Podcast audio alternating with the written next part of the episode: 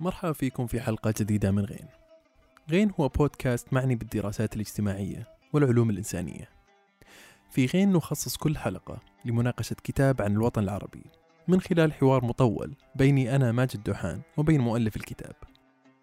في البداية سنتحدث قليلا عن المسيرة الفكرية للمؤلف ثم ننتقل لمناقشة الكتاب والأفكار الرئيسية التي وردت فيه.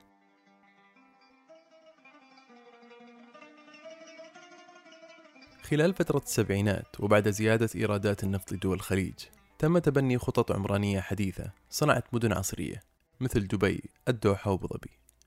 هذه المدن شكلت تباين حاد مع الطراز القديم للمدينة الخليجية سواء من ناحية التخطيطية، العمرانية أو الحضرية. في محاولة لفهم العلاقة بين المدينة الخليجية والساكن نستضيف اليوم الدكتور ياسر الششتاوي أستاذ العمارة في جامعة كولومبيا في نيويورك مرحبا فيك دكتور ياسر. أهلا ماجد طيب دكتور أنت درست العمارة والتخطيط الحضري في مصر بعدين انتقلت للتدريس في آه، جامعة العين تدريس العمارة حوالي 20 سنة قضيت في جامعة العين آه، واليوم تدرس آه، في كلية العمارة في جامعة كولومبيا. ماذا كانت خلفيتك التعليمية قبل دخولك العمارة؟ أه والله أنا يعني خلفيتي أنا نشأت في سويسرا وألمانيا. والدي كان آه، آه، مهندس معماري درس عمارة في مصر في جامعة عين شمس. بعد كده جات له بعثة يدرس آه، في سويسرا في الستينات. فإحنا انتقلنا معاه يعني. وقعدنا في سويسرا حوالي خمس سنين. وبعد كده رحنا ألمانيا قعدنا فيها برضو تقريبا خمس سنين. فأنا رجعنا مصر كان سنة 73 والتحقت بالمدرسة الألماني في القاهرة. وبعد كده دخلت جامعة القاهرة سنة 81 درست عمارة هناك وأنهيت الدراسة سنة 86 آه بعد كده دخلت الجيش آه في مصر قعدت سنة ونص. آه خلصت الجيش رحت على أمريكا. درست آه ماجستير في Penn State University وبعد كده درست دكتوراه في جامعة Wisconsin University, Wisconsin Milwaukee درست دكتوراه تحت إشراف آه، Amos Rapoport والماجستير والدكتوراه كانت في العمارة أيضا؟ في العمارة. أه. في العمارة. والحقيقة يعني بدأ يحصل في الفترة دي انتقال من تركيز على العمارة آه يعني اهتماماتي الأصلية كانت من النواحي التاريخية والنظرية لما رحت أمريكا بدأ انتقالي آه بدأ يعني الاهتمام يبقى أكتر بالأمور الحضرية urban issues. بدأت في Penn State وبعد كده تطورت أكتر في University Wisconsin وفي نفس الوقت بدأ اهتمامي بالثقافة وتأثيرها على العمارة. وده كان تأثير من المشرف على رسالة الدكتوراه بتاعتي Amos Rapoport اللي هو عمل كتاب مشهور في الستينات اسمه House Form Culture المسكن والشكل والثقافة. انهيت دراسة الدكتوراه سنة 96 آه، وجات لي فرصة إني أدرس في الإمارات. فرحت الإمارات سنة 97 وقعدت هناك لغاية 2017 حوالي 20 سنة تقريبا. آه، نتيجة لظروف عديدة ظروف شخصية ظروف عائلية قررت إن العودة إلى الولايات المتحدة. وبقالي هنا حوالي سنتين و آه، زي ما ذكرت بدرس في آه، جامعة كولومبيا آه، بالإضافة إلى أعمال خاصة يعني استشارات وأشياء من هذا القبيل يعني. آه كنت تذكر لي إنك تشتغل مع الاستشارات مع السعودية، أي نوع من الاستشارات تشتغل مع السعودية؟ والله في يعني عدة أشياء حصلت من ساعة ما انتقلت هنا هي من الحاجات الغريبة يعني طول 20 سنة اللي أنا عشتهم في الإمارات ما رحتش السعودية نهائيا يعني. أه. يعني 20 سنة. 20 سنة. ما جاتش أي فرصة ولا أي تواصل مع أي حد في السعودية. آه، آه، باستثناء كان في اثنين كانوا ساهموا في الكتابين كنت عملتهم. آه، دكتور مشارين نعيم ودكتور جميل أكبر. بس غير كده ما كانش. فلما انتقلت هنا حصل تواصل مع بعض الأفراد في السعودية. آه، ومع بعض المؤسسات. اللي أقدر أقوله إن إحدى هذه المؤسسات هي هيئة الرياض للتطوير العمراني. آه، كانوا طلبوني لتقييم إحدى المشاريع الكبيره اللي هم يعني بصدد تنفيذها. آه، فده كان يعني مساهمة في الموضوع ده. والموضوع الآخر آه، آه، أمي اللي هو بيسموه المير أو زي زي العمدة يعني أو أو عمدة المدينة. عمدة المدينة. ولو إن هي في أعتقد بيسموها في الرياض اللي هو رئيس الأمانة. رئيس أمانة الرياض. السابق الأمير عبد العزيز بن عياف المقرن. هو مخطط يعني planner درس في University Pennsylvania وفي خلال الفترة اللي هو كان مسؤول عن التنمية العمرانية في الرياض أدخل ما سماه أنسنة المدن. آه وده الحقيقة حاجة أنا بهتم بيها يعني من خلال دراستي ومن خلال كتاباتي وكده. فتواصلوا معايا وبدأت يعني بدأ نوع من التعاون بحيث إن أنا أكتب مقالات عن ما تم إنجازه خلال فترة تولي الأمير عبد العزيز لأمانة الرياض. في صدد انسنه المدن؟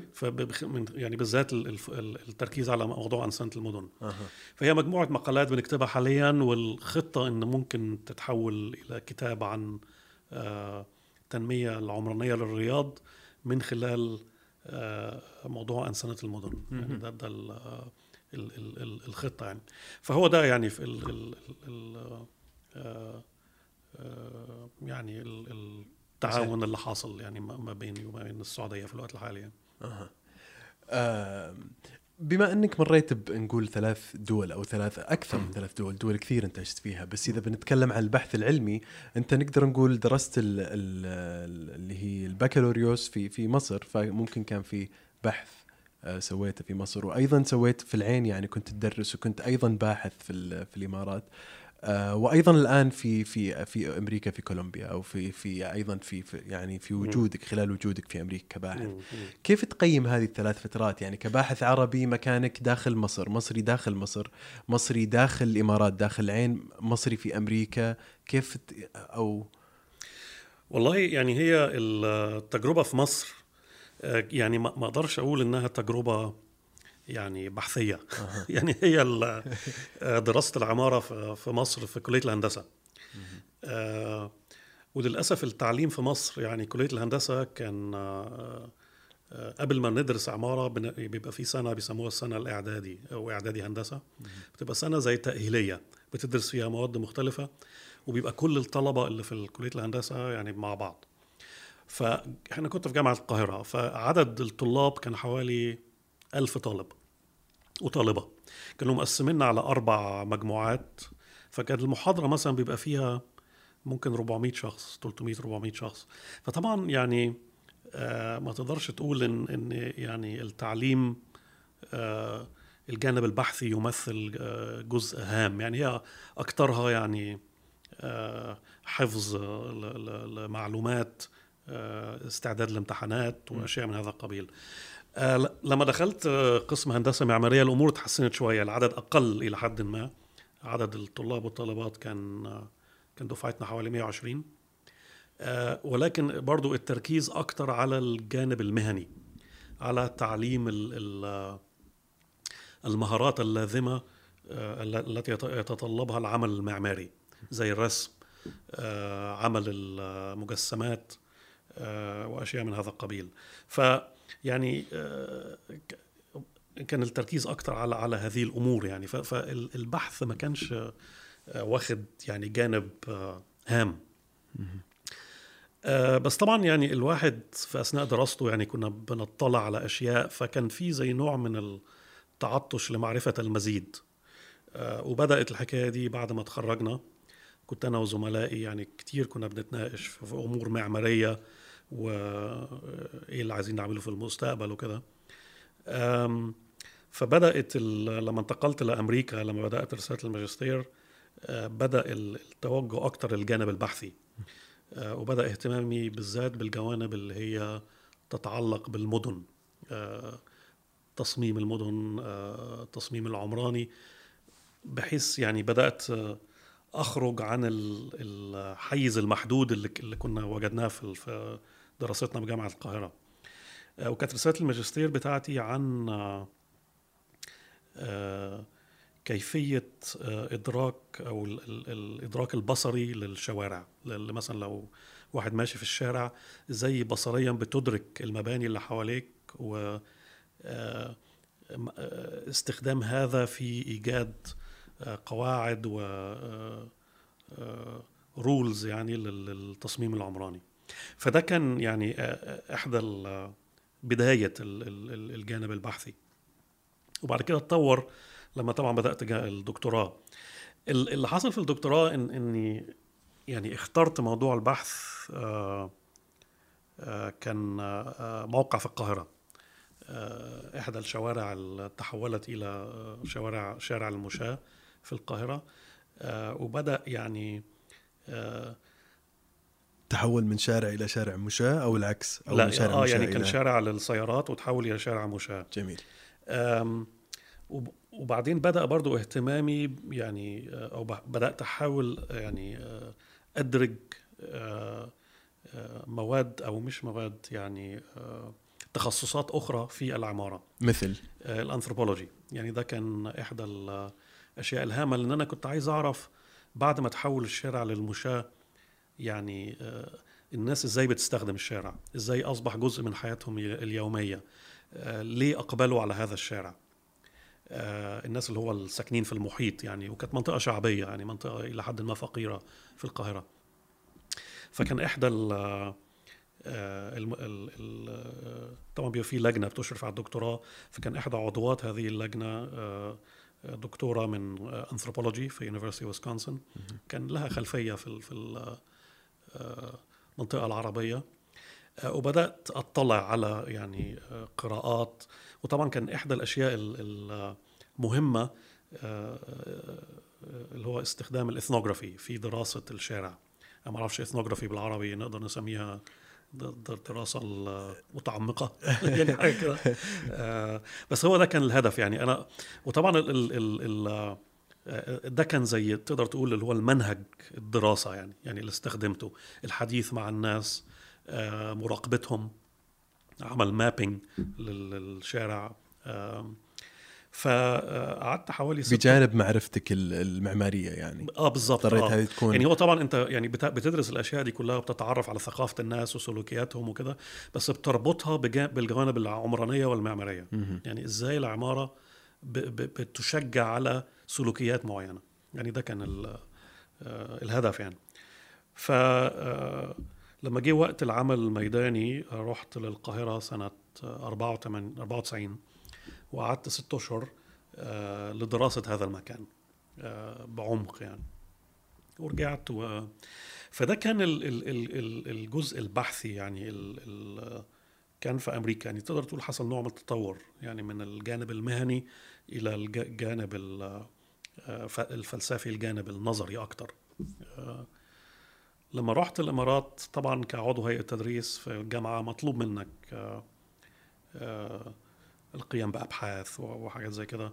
فكان في البداية يعني كان استمرار ل للدراسة اللي عملتها في القاهرة. ف عملت مجموعة أبحاث في الشارجه آه، لأماكن تاريخية وبرضه كان ال- ال- الفكرة يعني إن أنا براقب الناس بحاول أعرف كيف كيف يعني كيفية استخدامهم للفراغ المعماري والعمراني. ده كان في الأول كده كام سنة يعني.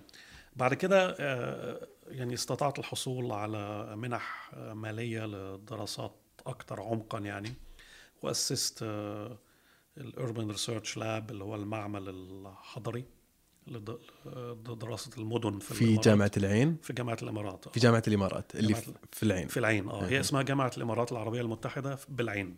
أها. يعني ده الاسم الجامعة. آه، تعتبر من أقدم الجامعات في في ال- بالعين مش بالغين يعني بالعين في مكان في مدينة العين. مدينة العين. أها. مدينة مش العين. بالعين يعني تكتب بالعين. لا يعني ده مجرد بتبقى إضافة يعني. آه. بس هي يعني ال- الاسم الرسمي آه، جامعة الإمارات United Arab Emirates University. تعتبر من أقدم الجامعات في الدولة أسست في وسط السبعينات. أيام الشيخ زايد. آه، فأسست المعمل ده و آه، خلاله يعني بدأت آه، يعني أعمل دراسات متعمقة للفراغات العمرانية الموجودة في دبي وأبو ظبي. يعني تقدر تقول إلى حد كبير هي استكمال لدراستي آه، أو للأشياء اللي عملتها في أثناء الدكتوراه. يعني في دراسة الشارع المشاة في القاهرة آه، ده استكمال لتطور للمنهج البحثي آه، وهكذا يعني. اي أي. ذكرتني بنقطة في الكتاب تذكر في في بداية الكتاب ان اهتمامك بالمدينة الخليجية. آه، بدأ في منتصف التسعينات لما زرت آه، قلعة المربع في في في في العين. آه، حدثنا عن هذه المرحلة وهذه الزيارة، كيف كانت هذه الزيارة يعني؟ أثرت في آه هي دي أنا أنا يعني حادثة أنا بذكرها في في بداية الكتاب يعني. يعني إيه إيه اللي خلاني أهتم بدراسة الفراغات العمرانية العمرانية التي يستخدمها الآسيويين في الاسيويين المهاجرين يعني بشكل عام يعني في مدن الخليج. اللي حصل إن سنة 97 آه، آه، بعد ما أنهيت دراسة دكتوراه في أمريكا جات لي فرصة أو يعني عرض إني أشتغل أستاذ زائر في جامعة الإمارات. آه، لمدة فصل دراسي. كان قبل كده تجربتي في مدن الخليج كانت معدومة. يعني أنا رحت السعودية كان والدي بيشتغل هناك في السبعينات بس طبعا كنت صغير يعني كنت طفل فما فيش يعني آه، ذكريات يعني أو أشياء أتذكرها. وكان يشتغل والدك في العمارة في السعودية؟ في العمارة كان بيدرس في جامعة آه، كان اسمها اياميها جامعة الملك جامعة الرياض جامعة الرياض. أي. جامعة الرياض وبعد كده بقت جامعة آه، الملك سعود. فدي ده كان في السبعينات فذكرياتي كانت محدودة قوي يعني. فدي كانت أول زيارة ليا لمدينة خليجية أو لدولة خليجية يعني. فاللي أفتكره كويس ان إني وصلت مطار أبو ظبي وكان في حد في استقبالي من الجامعة وخدوني على الفندق في مدينة العين. مدينة العين بتبعد حوالي 120 كيلو من أبو ظبي. ساعة ونص بالسيارة. فوصلنا الأوتيل كان في وسط مدينة العين. فوإحنا في طريقنا للفندق مرينا بساحة عند ساحة كبيرة في وسط مدينة العين عين آه، في اسمها ساحة المربع الاسم جاي من قلعة موجودة هناك اسمها قلعة المربع قلعة تاريخية. يعني. نتيجة طبعا لأنها كانت في وسط المدينة وكان في نهاية الأسبوع كانت مليئة بالعمالة الآسيوية من الهند وباكستان وغيرهم. وبأعداد غفيرة يعني عمري ما شفت حاجة كده في حياتي يعني. آه وكانوا بس واقفين يعني واقفين وبيتكلموا مع بعض ويعني مش فأنا المشهد استغربته يعني أنا ما كنتش فاهم إيه اللي بيحصل يعني. آه. يعني كانت يعني كل تجاربي آه، القاهرة آه أوروبا أمريكا آه، فكانت ظاهرة غريبة يعني. ف من خلال يعني الفترة اللي قعدتها آه، استمر يعني آه، كان الأوتيل قريب من المكان ده فكنت بروح وأرجع وأشوف الناس و... بس كان يعني مجرد كده يعني ما تعمقتش في الموضوع في الفترة دي. لما رجعت الإمارات بعد كده كعضو هيئة تدريس دائم يعني قعدت برضو في فترة يعني مش مهتم بالموضوع ده قوي يعني هي كانت ظاهرة كنت بشوفها في الإمارات وقالوا لي إنها برضو موجودة بشكل أكبر في دبي وأبو ظبي. بس يعني كان في نوع من ال تقدر تقول حذر لأن حسيت الموضوع ده يمكن ما يبقاش يعني ليه آه، يعني ما يبقاش قبول. قبول أو ما يبقاش في تشجيع من الجامعة لدراسة مثل هذه الأشياء يعني على أساس إنها عمالة آسيوية وبتاع. بس بعد كده لما جات لي المنحة الماليه لدراسة آه، دبي. آه، آه، قمت بال يعني قلت لا يعني خلينا ندرس الموضوع ده بعمق أكتر ونبحث عن هذه الأماكن في دبي. بدأت بدبي. وبدأت رحلة يعني هي كان نتيجتها كتابي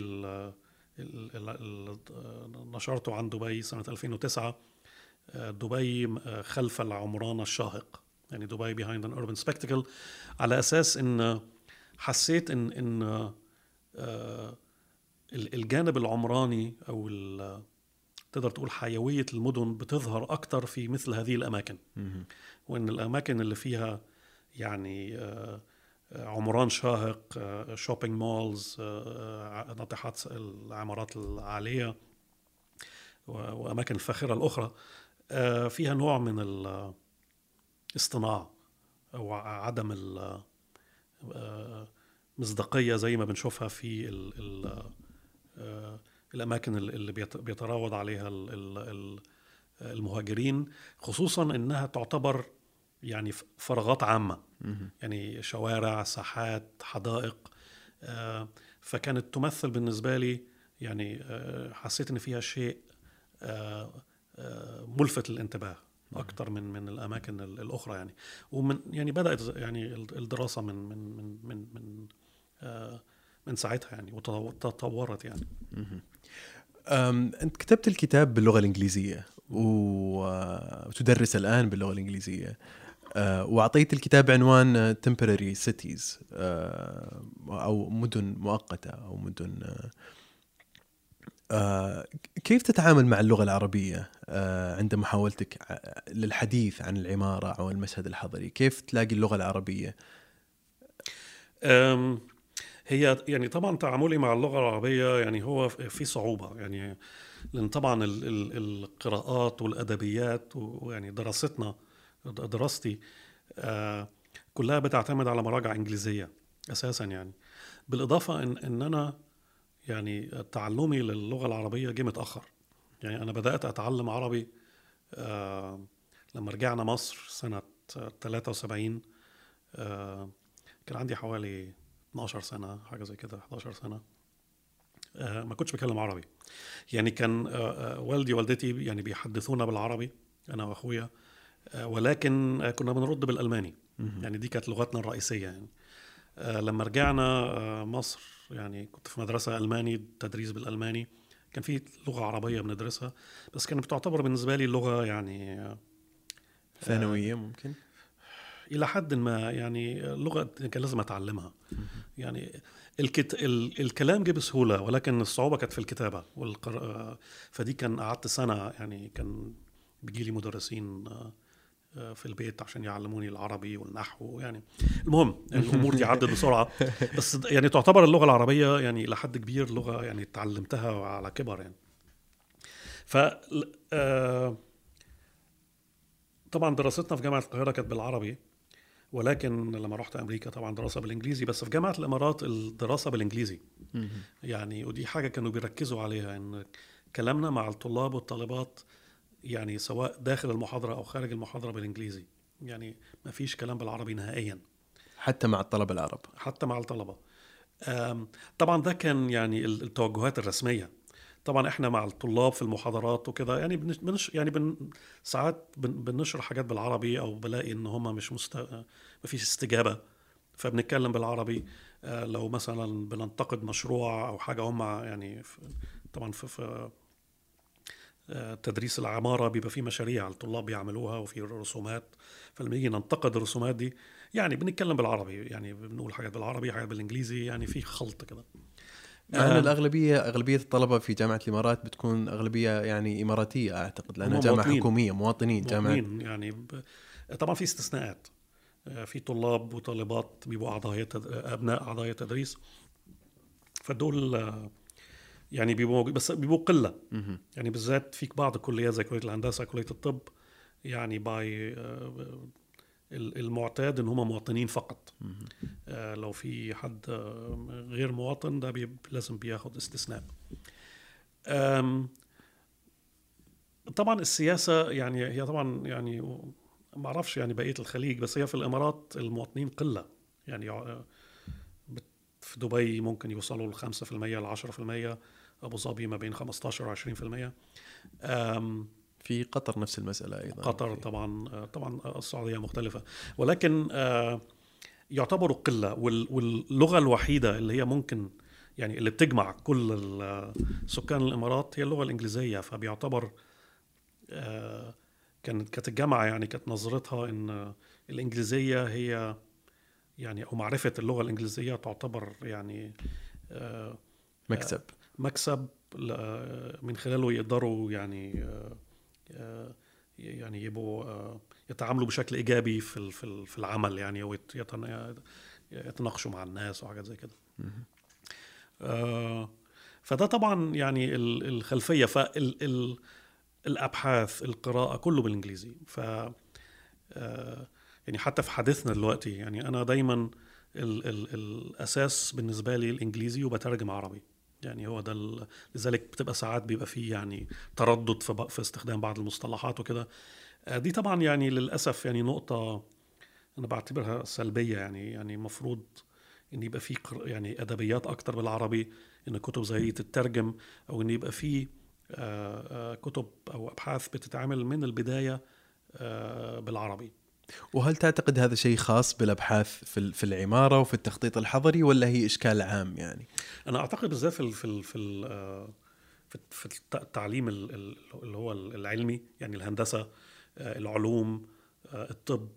يعني مش عارف بالظبط بالنسبة لل- للعلوم الإنسانية. أعتقد إن هي برضو إشكالية يعني بس يمكن العلوم الإنسانية ال- الأدبيات والقراءات العربية الع- بالعربي أكتر. ولكن في الهندسة مثلا على أساس إن خلفيتي هندسة يعني. ال ال آه، الأدبيات محدودة جدا. يعني هي المراجع الأساسية إنجليزي آه، أو لغات أخرى يعني آه، غربية. ولن تستطيع أن تكون مهندسا إلا بمعرفة هذه ال- الأدبيات. فدي مشكلة. يعني هي علاجها مش إن إحنا فجأة يعني نقطع التد- التدريس بالإنجليزي ولكن لازم في يعني مبادرات للترجمة ولعمل آه، كتابة أعمال من البداية تكون بالعربي يعني. آه، أعتقد المفروض أنت تبدأ وتترجم لنا عنوان الكتاب، كيف بتترجم عنوان كتاب Temporary Cities؟ آه دي أنا أنا قعدت. النهارده كده فترة أحاول يعني آه، يعني أشوفك ماسك الورقة والقلم وصل القلم وأنا بحاول ألاقي تعبيرات هو طبعا temporary cities مدن مؤقتة مدن مؤقتة يعني أعتقد دي يعني مش عليهاش خلاف بس بعد كده ال- اللي هو ال subtitle أو ال- العنوان الثانوي resisting transience in Arabia. مقاومة الزوال في الجزيرة العربية. آه، أنا أنا حاولت أشوف ال transience يعني إيه ترجمتها. آه، فالترجمة اللي جات لي في جوجل آه، سرعة الزوال. سرعة الزوال. يعني طبعا كلمة زوال بتدي إيحاءات كده إن يعني إن في يعني الز- الزوال يعني نهاية الحياة يعني أو أو الموت أو الاندثار أو الإبادة. آه، تعتقد هذه الترجمة مش آه، مش يعني transience يعني يعني في يعني طبعا فيها برضو جانب اللي هو المؤقت ولكن مش هو ده برضو التعبير ال ال ال ال ال ال آه، ال- الملائم مهم. يعني هي ترانزينس بتدي إحساس آه صحيح بال- بالشيء المؤقت بالزوال آه ولكن يعني هي آه يعني إحنا لما نقول زوال يعني زي ما تكون حاجة نهائية يعني إن في شيء انتهى مهم. وبينما ترانزينس بتدي إحساس إن هو شيء انتهى بس ممكن يعاد آه صناعته أو تكريره صناعته أو أو صياغته في في في في مكان آخر حاجة زي كده يعني آه، بس يعني يعني ممكن نعتبرها زوال يعني ممكن تمشي يعني آه، طيب إذا بنتكلم عن العنوان كمدن مؤقتة إيش تقصد بمدن مؤقتة؟ ما المقصد بالعنوان هذا؟ آم، هو طبعا ال- التعبير يعني ممكن يحصل عليه خلاف يعني ان إن آه، ال ال إحنا لو بصيناها بشكل يعني آه، آه، مباشر يعني أي مدينة يعني ما هياش مؤقتة يعني المدن بتبقى موجودة آه، وبتتطور آه، وبتتغير في في شكلها وهكذا. يعني ما ولكن هو يعني نقدر نقول آه، استخ... الاستخدام مجازي أكتر أو ميتافوريكال بمعنى واللي أنا بستخدمه في الكتاب هنا إن هو تعبير عن تجربتي في آه، ال- الخليج وبالذات في الإمارات وفي مدن آه، دبي وأبو ظبي. والتمبرري أو الجزء المؤقت بيشير إلى آه، آه، ال- ال- السكان وإن آه، بينظر ليهم اللي هم السكان الوافدين يعني. آه، بينظر ليهم على إن هم موجودين بشكل مؤقت. يعني بيجوا يشتغلوا آه، يقعدوا فترة معينة وبعد كده آه، بيرجعوا لبلادهم. يعني هو ده آه، المفهوم يعني. وبالتالي فده ده, جانب من من من من هو يعني ليه أنا استخدمت كلمة مؤقت. ولكن هي مش مجرد فقط العمالة وإن هم بيقعدوا فترة محدودة. هي مش أعتقد تتكلم عنها في الكتاب إنها ليست مجرد حالة فيزيائية آه، بينما هي حالة اجتماعية أو حالة حتى آه يعني هي حالة اجتماعية. يعني على أساس إن السكان بيجوا بيقعدوا فترة وبعد كده بيمشوا. فده الجانب اللي هو الاجتماعي أو الجانب ال- ال- ال- ال social يعني. آه ولكن في جانب فيزيائي كمان أو. physical اللي هو المدن بتصمم وبتخطط آه على أساس إن هي تتعامل مع هذه الوقتية. آه، إن هي لا تشجع على آه، البقاء. يعني ال- ال- المدن اللي هي فيها استقرار أو لها تاريخ عميق أو آه، آه، تاريخ يمتد إلى آلاف السنين في حالات زي القاهرة مثلا. هذه المدن فيها طبقات من التاريخ واشياء موجودة وأشياء أزيلت وهكذا بحيث ان إن التحرك فيها بيدي بي- بي- بيعطيك إحساس إن هي آه، آه، ليست مؤقتة إن هي موجودة من زمان. آه، مدن الخليج يعني ده الجانب الظاهر يعني لما نيجي نبص لها كده بشكل يعني سريع بتدي إحساس ان إنها ليس لها عمق تاريخي. وطبعا أنا أنا يعني مش عايز أعمم يعني هي المدن الخليج بتختلف.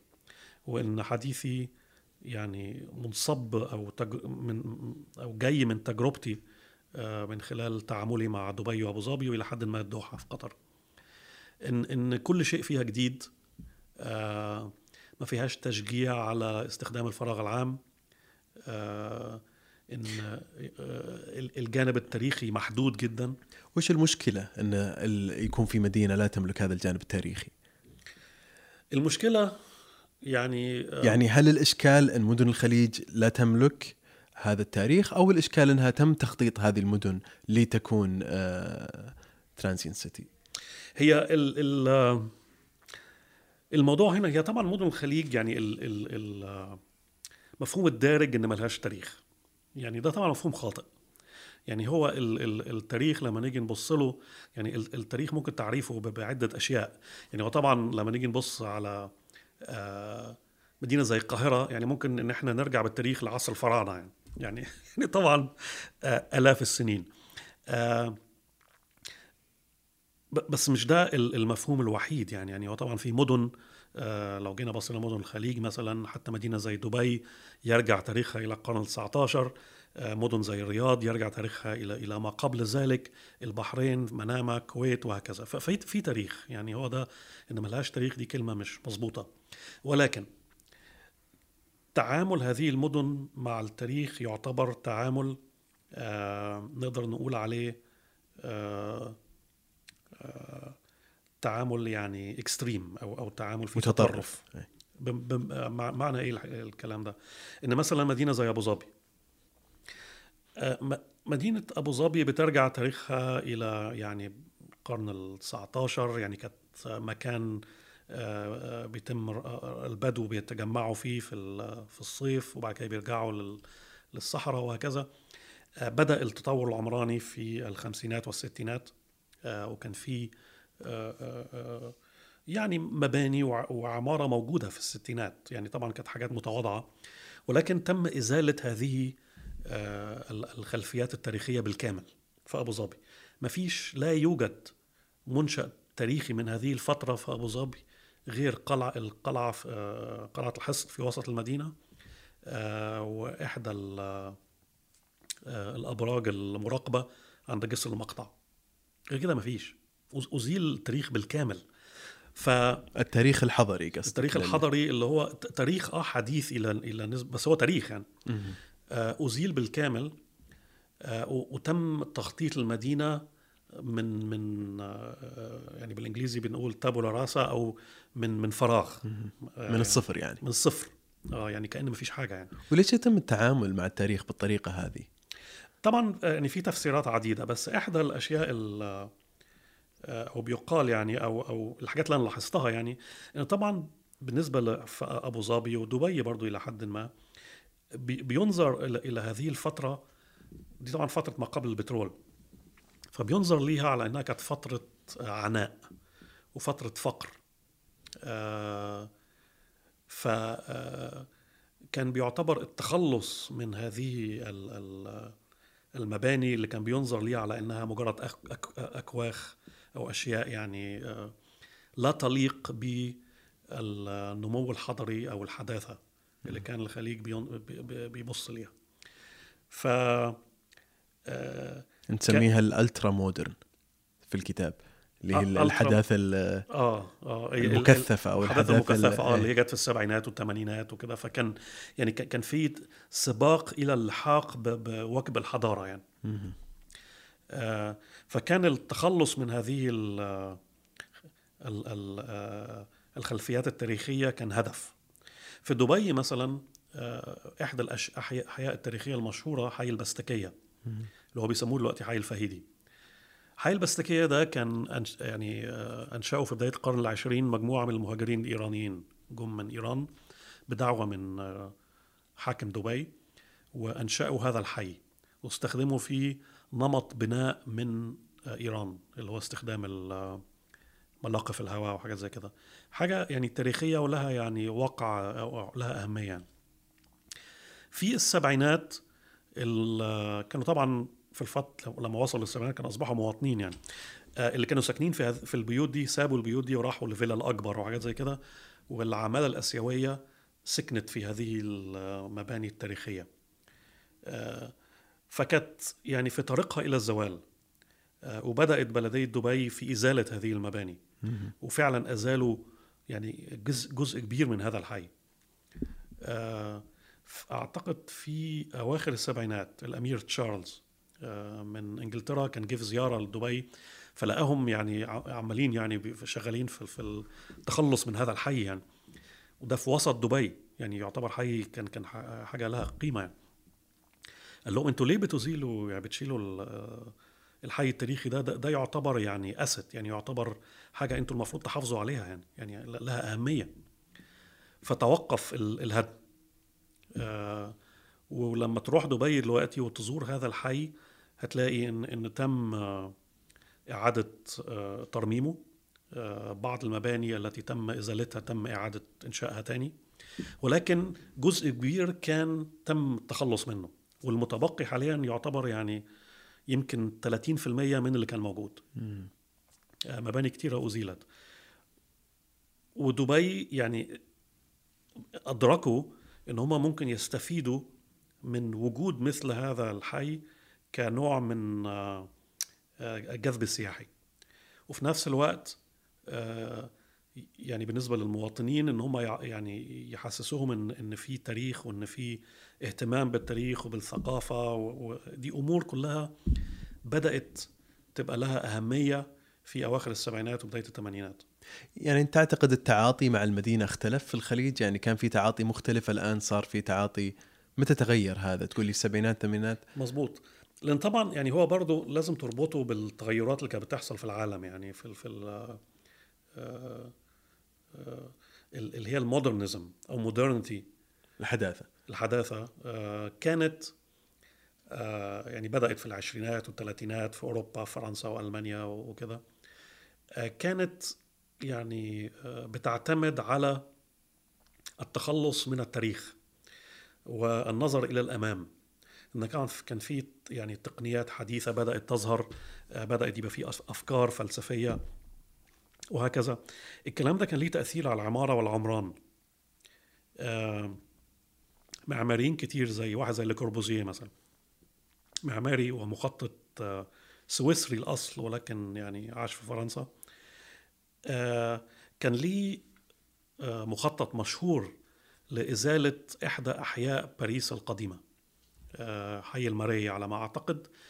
إزالته بالكامل في وسط باريس وإقامة أبراج عالية. وما بين هذه الأبراج حدائق وأماكن مفتوحة.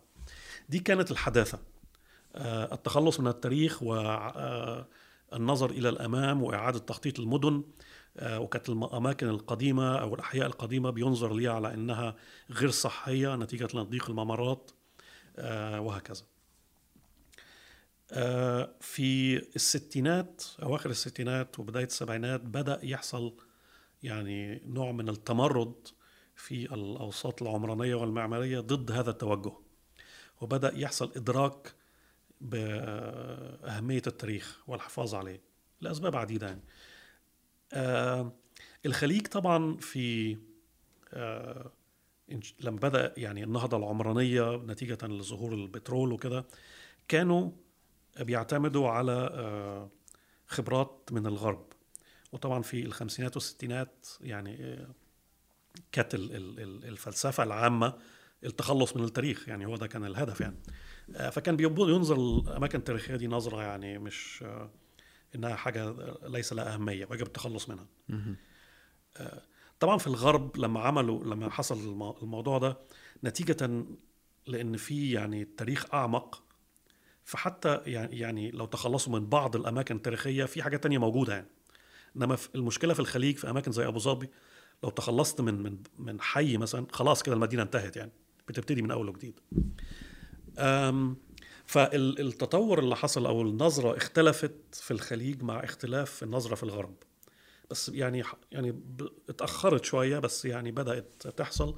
والتوجه الحالي طبعا آه، اللي هو الحفاظ على الأماكن ال يعني التاريخية بقدر الإمكان. ودي طبعا بتختلف من أماكن آه، من مكان لآخر. يعني أعتقد أماكن زي المنامة بحرين مثلا فيها يعني حركة يعني عمرانية أعمق من من آه، آه، من بقية دول الخليج. قصدك في الحفاظ على في ال- الحفاظ على العمران الكويت طبعا يعني حصل يعني التخلص من آه، أشياء كثيره فرح النقيب في كتابها عن الكويت تكلمت عن الحكاية دي. السعودية يعني أعتقد الرياض يعني حاليا يعني ما- ما- يعني ح- حافظوا على بعض الأشياء ولكن في أشياء طبعا تخلصوا منها وهكذا فبتختلف طبعا من آه، مكان لاخر. بس أماكن مدن زي دبي أبو ظبي الدوحة. يعني ال ال آه، اللي اللي متبقي حاليا يعني يعتبر يعني يعني نسبة ضئيلة جدا من التراث العمراني اللي كان موجود يعني للأسف يعني آه في في مقدمة ونهاية الكتاب أيضا أشرت إلى اقتباس من رواية مدن الملح. للكاتب السعودي عبد الرحمن منيف آه وأترجم منها يقول آه مدن ستختفي في حال أي اضطراب آه ما تعتقد هالاقتباس متطرف بعض الشيء؟ وطبعا عبد الرحمن منيف يعتبر من الشخصيات اللي عليها جدل يعني. يعني هو طبعا ليه تاريخ يعني هو- سعودي الأصل ولكن آه، آه، آه، عاش في المنفى. يعني آه، معظم حياته العملية يعني واعتقد توفى في دمشق على ما أعتقد. بس عاش في فرنسا فترة في لبنان وهكذا. آه، فده جانب. يعني طبعا يعني إنه عاش في المنفى طول حياته ده ده أثر عليه. كتابه مدن الملح يعني يعني بدون مبالغة يعني من من الكتب اللي أثرت عليا يعني كتير وساعدتني على فهم آه، ال- التغيرات اللي حدثت في الخليج. ما, نقدرش لا ننكر إن اكتشاف البترول كان ليه أثر على الحياة وعلى الثقافة. ال ال الانتقال اللي حصل من الحياة البدوية إلى حياة حديثة يعني دي نقلة يعني تعتبر نقلة آه، يعني آه، آه، صعبة يعني يعني آه، تحدث العديد من ال- آه، الآثار. من الآثار على الناس وعلى تفكيرهم وعلى عاداتهم وحاجات زي كده. فأعتقد يعني عبد الرحمن منيف من خلال كتاباته آه، قدر آه، آه، إنه آه، آه، آه، يعبر عن عن هذا التغير بشكل أعتقد جيد يعني. مدن الملح يعني هي أعتقد الرواية في في خمس أجزاء على ما أعتقد. أنا أنا قريت ثلاثة منهم. آه وللأسف يعني قريت الترجمة. أوه. يعني مش ال قريتها بالإنجليزي. بالإنجليزي. آه. المترجم كان بيتر ثرو. آه لأن بدأت أقراها بالعربي هو بيستخدم اللهجة السعودي. صح. في في بعض الحوارات كتاباته. صح. ف يعني صعبة بالنسبة لي شوية يعني إني أفهمها. ولكن ال آه، كنت حاولت أعرف يعني هو ليه سماها مدن الملح؟ يعني هو مش شارح في ال في ال في ال أو مش مفهوم قوي في الكتاب في, في الأجزاء المختلفة ال- التعبير ده جه منين؟ فهو لما بدأت أعمل بحث لقيت حوار هو عمله مع كاتب إنجليزي اسمه طارق علي. آه، سأله يعني ليه أنت آه، آه، سميت الروايه بهذا الاسم يعني؟ فهو يعني قال إنه إنه المدن في في العصور القديمة كانت يعني كان مصيرها الزوال. يعني في مدن اندثرت اختفت. هو بيعتبر إن إن مدن الخليج مدن ليست قائمة على العدالة الاجت- الاجتماعية. وإن نتيجة لعدم وجود مثل هذه العدالة آه، وفي ظلم فبالتالي آه، مصير مثل هذه المدن هو الاندثار زي الملح لما بيجي آه، شوية مية أو مياه بتزيل آه، الملح. ما تعتقد هذه هذه نظرة إشكالية بعض الشيء؟ يعني ممكن بعض الناس ممكن يقول هذه نظرة استشراقية نقدر نقول. وتكلمت عنها الفصل الأخير من الكتاب. يا يا. هي هي يعني الاستثنائية الخليجية هذه. الجلف اكسبشناليزم. مضبوط أنا أنا يعني ما بصيت لهاش بال- بالنظرة دي. أنا يعني آه لقيت التعبير ده يعني برضو زي استخدامي لكلمة temporary city. يعني هو الأفضل انه نبص له من الناحية المجازية. بمعنى إن إن يعني طبعا في حالة لو في كارثة طبيعية يبقى ممكن آه المدن دي تختفي يعني. بس ال ال ال الواقع إن إن الاختفاء ده عملية يعني غير واقعية يعني يعني حاجة صعب إنها تحصل يعني. ولكن ال ال ال لو بصلناها من من ناحية مجازية إن ممكن نقول إن استمرار مثل هذه المدن على المنوال اللي هي ماشية عليه ده ممكن يكون ليه تأثير سلبي وانه ممكن يؤثر على نمو مثل هذه المدن. وبرضه عايز أركز على إن تركيزي أكتر أو كلامي على دبي وأبو ظبي ودوحه إلى حد ما. لأن أعتقد إن المدن دي موضوع الانجستس أو عدم العدالة ظاهر إلى حد كبير. تسميها unjust cities. Unjust cities. بأي معنى unjust cities آه، لو جينا في أبو ظبي أو دبي هنلاقي ان إن نسبة المواطنين تمثل حوالي يعني 15% آه، 10% 20% نسبة قليلة. وده طبعا حاجة يعني غير مسبوقة على نطاق العالم يعني. آه، مثل هذه المدن قائمة بالأساس على استيراد عمالة أجنبية بتيجي وبتقوم على آه، آه، آه، يعني بنسميها ال maintenance إن إن هذه المدن أساسا are operating أو بتعمل من خلال هذه العمالة. يعني مثلا لو لقينا لو بصيت على نسبة مشاركة العمالة الأجنبية في القطاع الخاص هنلاقي إن في قطر مثلا نسبة مشاركة المواطنين في القطاع الخاص حوالي 1% آه، في الإمارات 5% آه، في دول زي السعودية وكده ال- ال- المشاركة يعني آه، أقل آه، أكتر من المواطنين طبعا في القطاع الخاص. ولكن يعني لو جينا بصينا على الإمارات وقطر هنلاقي إن نسبة مشاركة المواطنين قليلة وإن هذه الم- المدن أساسا قائمة على آه، آه، آه، مثل هذه العماله الأجنبية. طبعا آه، لما بيكون الوضع بالطريقة دي لازم هذه العماله يبقى لها حقوق معينة أو يبقى لها يعني آه، حق الإقامة حق الكلام ده غير موجود. يعني هو بي- بيتم النظر ليهم على إنهم مؤقتين وبالذات لو بصينا لل لل- اللي هم اللو انكم اللي هم محدودي الدخل. هي زي العم... آه، عمال البناء ال- عمال النظافة وغيرهم بيعيشوا في labor camps أو اللي هي ال ال- آه، ما أعرفش camp بالعربي اللي هي معسكرات العمال. يعني دي. برضه من احدى التعبيرات كل شيء بالعربي درامي يصير آه، درامي معسكرات, معسكرات. إيه. بس على فكرة سنغافوره فيها برضو الحكاية دي بس ما بيسموهاش camps بيسموها dormitories dormitories dormitories طبعا مسكن كان. مسكن. مسكن. التعبير يعني يعني آه، آه، ألطف. آه، ألطف يعني. بس مع... طبعا معسكرات تدي إحساس إنها سجن يعني. وهي ما هياش كده. يعني أنا زرت ال... ال... ال camps دي أو المعسكرات دي مفتوحة واللي عايز يخرج يخرج واللي عايز آه، ولأن ده بدأ يختلف على فكرة. يعني بدأت ال... الحركة الدخول والخروج في هذه المعسكرات الحديثة اللي بيتم بنائها عن طريق كروت وعن طريق gates ويعني. ولكن فأنت يعني جايب العمال دول العمال دول مش من حقهم يجيبوا العائلات بتاعتهم لأن دخلهم أقل من إنه يسمح إنه يجلب العائلة بتاعته. وجودهم محدود وفي نهاية العقد بتاعهم أو في نهاية عملهم لازم يرجعوا إلى المكان اللي جم منه. نفس الشيء بالنسبة لي يعني أنا كنت دكتور في الجامعة ولكن إقامتي مرتبطة ب تجديد الإقامة كل ثلاث سنين. تجديد الإقامة كان مكلف اولا يعني كنا بندفع فلوس كتير زائد إنك لازم تعمل كشف طبي كل ثلاث سنين. فطبعا دي أشياء كلها بتدي لك إحساس إن أنت مش مرغوب فيك أصلا يعني. إن أنت مجرد وجودك لهدف معين وإن أنت في النهاية بتسيب المكان ده. هل هذا السبب اللي خلاك تركز في الكتاب على العمالة يعني؟ لأني أشوفك يعني في الكتاب ركزت على دراسة حالة العمالة في المدينة الخليجية أو من وجهة نظر.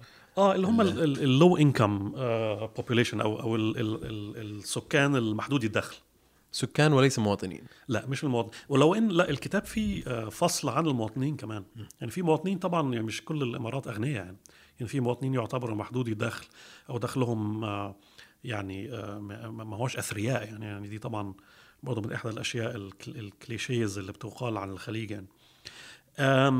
ففي تشابتر على المواطنين ده ممكن نتكلم عليها كمان يعني كمان شوية يعني بس أيوه اتفضل. لا بس إذا بسألك بيكون كيف كيف يمكن نقرأ آه الكتاب مدن مؤقتة من خلال آه هذه الفئتين المختلفة؟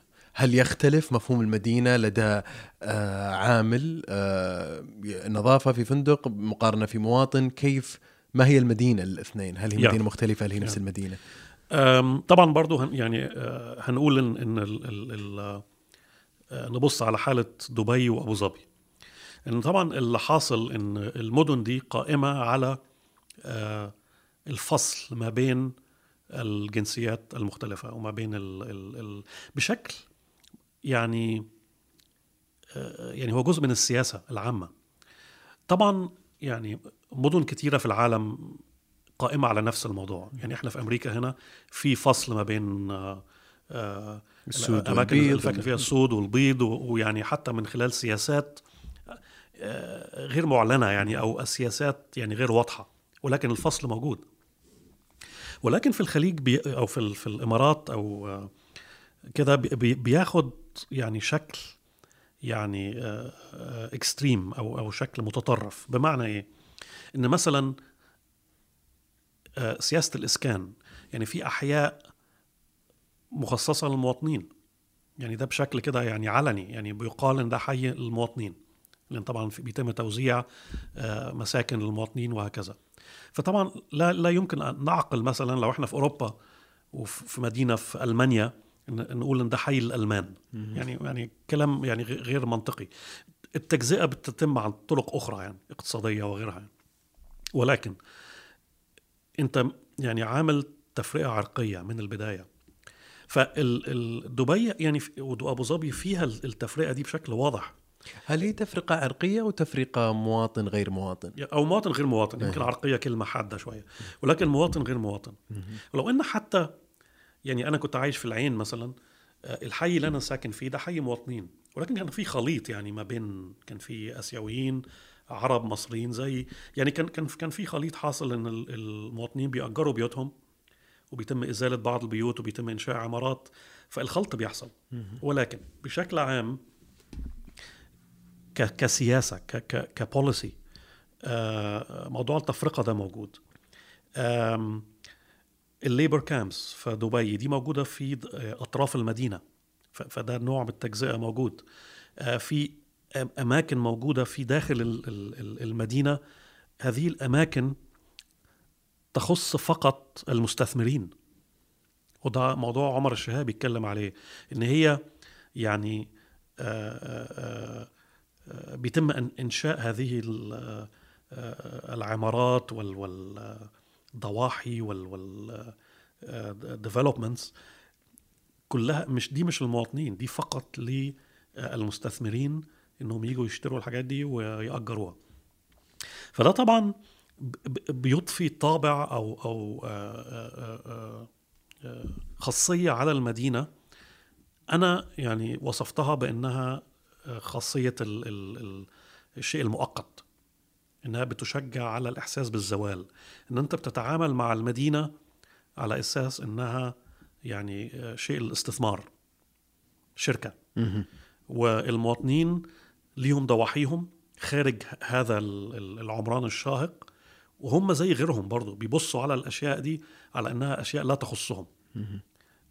فأنا بالنسبة لي دي مشكلة يعني ما ينفعش إن يبقى في مدينة تقوم على هذه المبادئ. وقد يكون هذا يعني مذهب الكثير من النقاد الحضريين يعني كيف النيوليبرالية تع- تعيد تخطيط المدينة. آه، مثل كلام ديفيد هارفي في كثير من ال- الكتب آه، عن المشهد الحضري أو المدني أنه يتم رسمه من قبل رأس المال. لكن يبدو أنك في الكتاب أيضا تختلف مع هذا القول أو مع هذا الرأي مع رأي آه، أمثال ديفيد هارفي. ما هو التحفظ اللي تملكه في قراءة المدينة بهذا الشكل بشكل رأسمالي أو neo- نيوليبرالي؟ لا ما أعتقدش. يعني أنا يعني طبعا هي ال neoliberal urbanism يعني it's هي phenomena أو ظاهرة موجودة في العالم كله يعني. إن بيتم إعادة صياغة المدن أو بيتم إعادة تخطيطها بحيث تخدم آه، رأس المال. يعني ده توجه عالمي موجود في في في أي مدينة تروحها نيويورك نيويورك سيتي.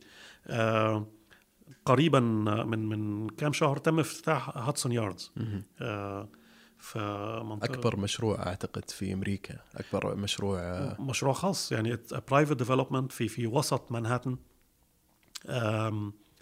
وبيطلق عليه بعض الناس أطلقوا عليه إنه little دبي مم. دبي الصغيرة. آه، لأن فالظاهرة موجودة. وهي طبعا يعني فكرة ان إن ال market أو السوق هي ال- اللي آه، بتحدد ال development أو التطور. و آه، إن رأس المال هو ال- المتحكم الرئيسي في تحديد نوعية المشاريع التي يتم بنائها وهكذا. فطبعا بتيجي في مشروع زي هاتسون ياردز ال- التاورز اللي موجودة الشقق اللي بيتم بيعها بعشرات ملايين الدولارات. ما فيش مواطن أمريكي عادي يقدر يعني يشتري حاجة زي كده. دي فقط معمولة لل- للأغنياء للمستثمرين لغسيل الأموال لأشياء عديدة. آه، طبعا هاتسون ياردز تمثل آه، آه، يعني جزء صغير من من نيويورك المدينة بش- بشكل عام يعني. تخيل إن إن أنت عندك هاتسون ياردز دي في دبي يعني المدينة كلها قايمة على هذا الأساس.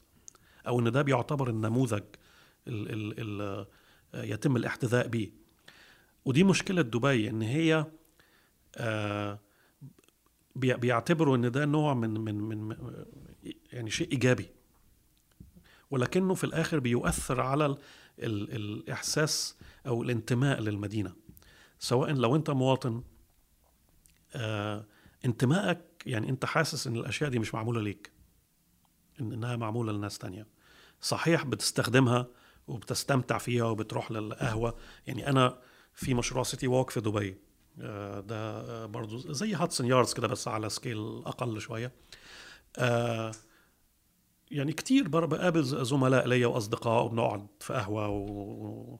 ونشيش ويعني يعني كل الحاجات دي قاعدين مبسوطين يعني مفيش حد زعلان يعني. ولكن في النهاية أنت حاسس إن إن إن ده- يعني أنت يعني استخدامك محدود إلى حد ما. طبعا لا تستطيع شراء آه، آه، الشقق الموجودة آه، وهكذا. وإن أنت في الآخر ال- آه، بعد ما بتخلص بترجع في المكان اللي انت عايش فيه. وتقول ذكرتني في باقتباس في الكتاب آه، بتعريفك لل- للمدينة الخليجية.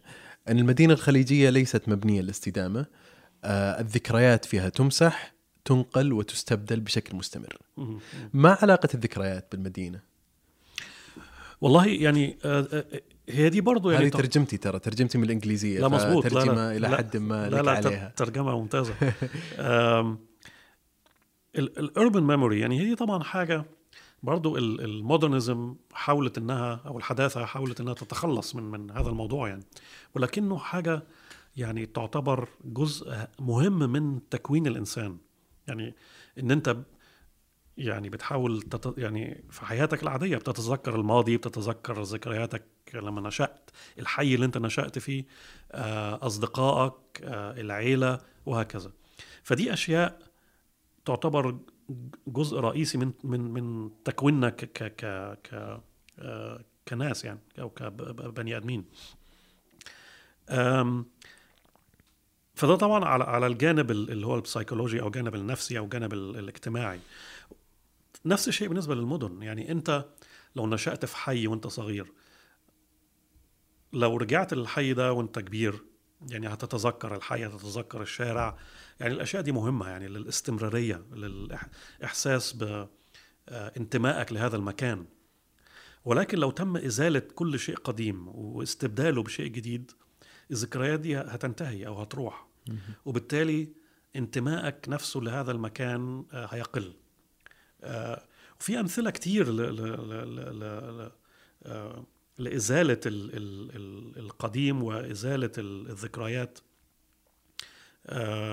في دبي وبدأوا يحسوا بيها دلوقتي لأن طبعا كل شيء جديد كل شيء حديث. ففي يعني وصلنا لدرجة إن لو في شيء اتبنى في الستينات والسبعينات وهو لا يعتبر يعني في بقية العالم يعني حاجة لها قيمة كبيرة يعني. ولكن في الخليج بتكتسب عمق أكبر لأن أي أشياء أخرى أقدم من من من من كده تم إزالتها يعني.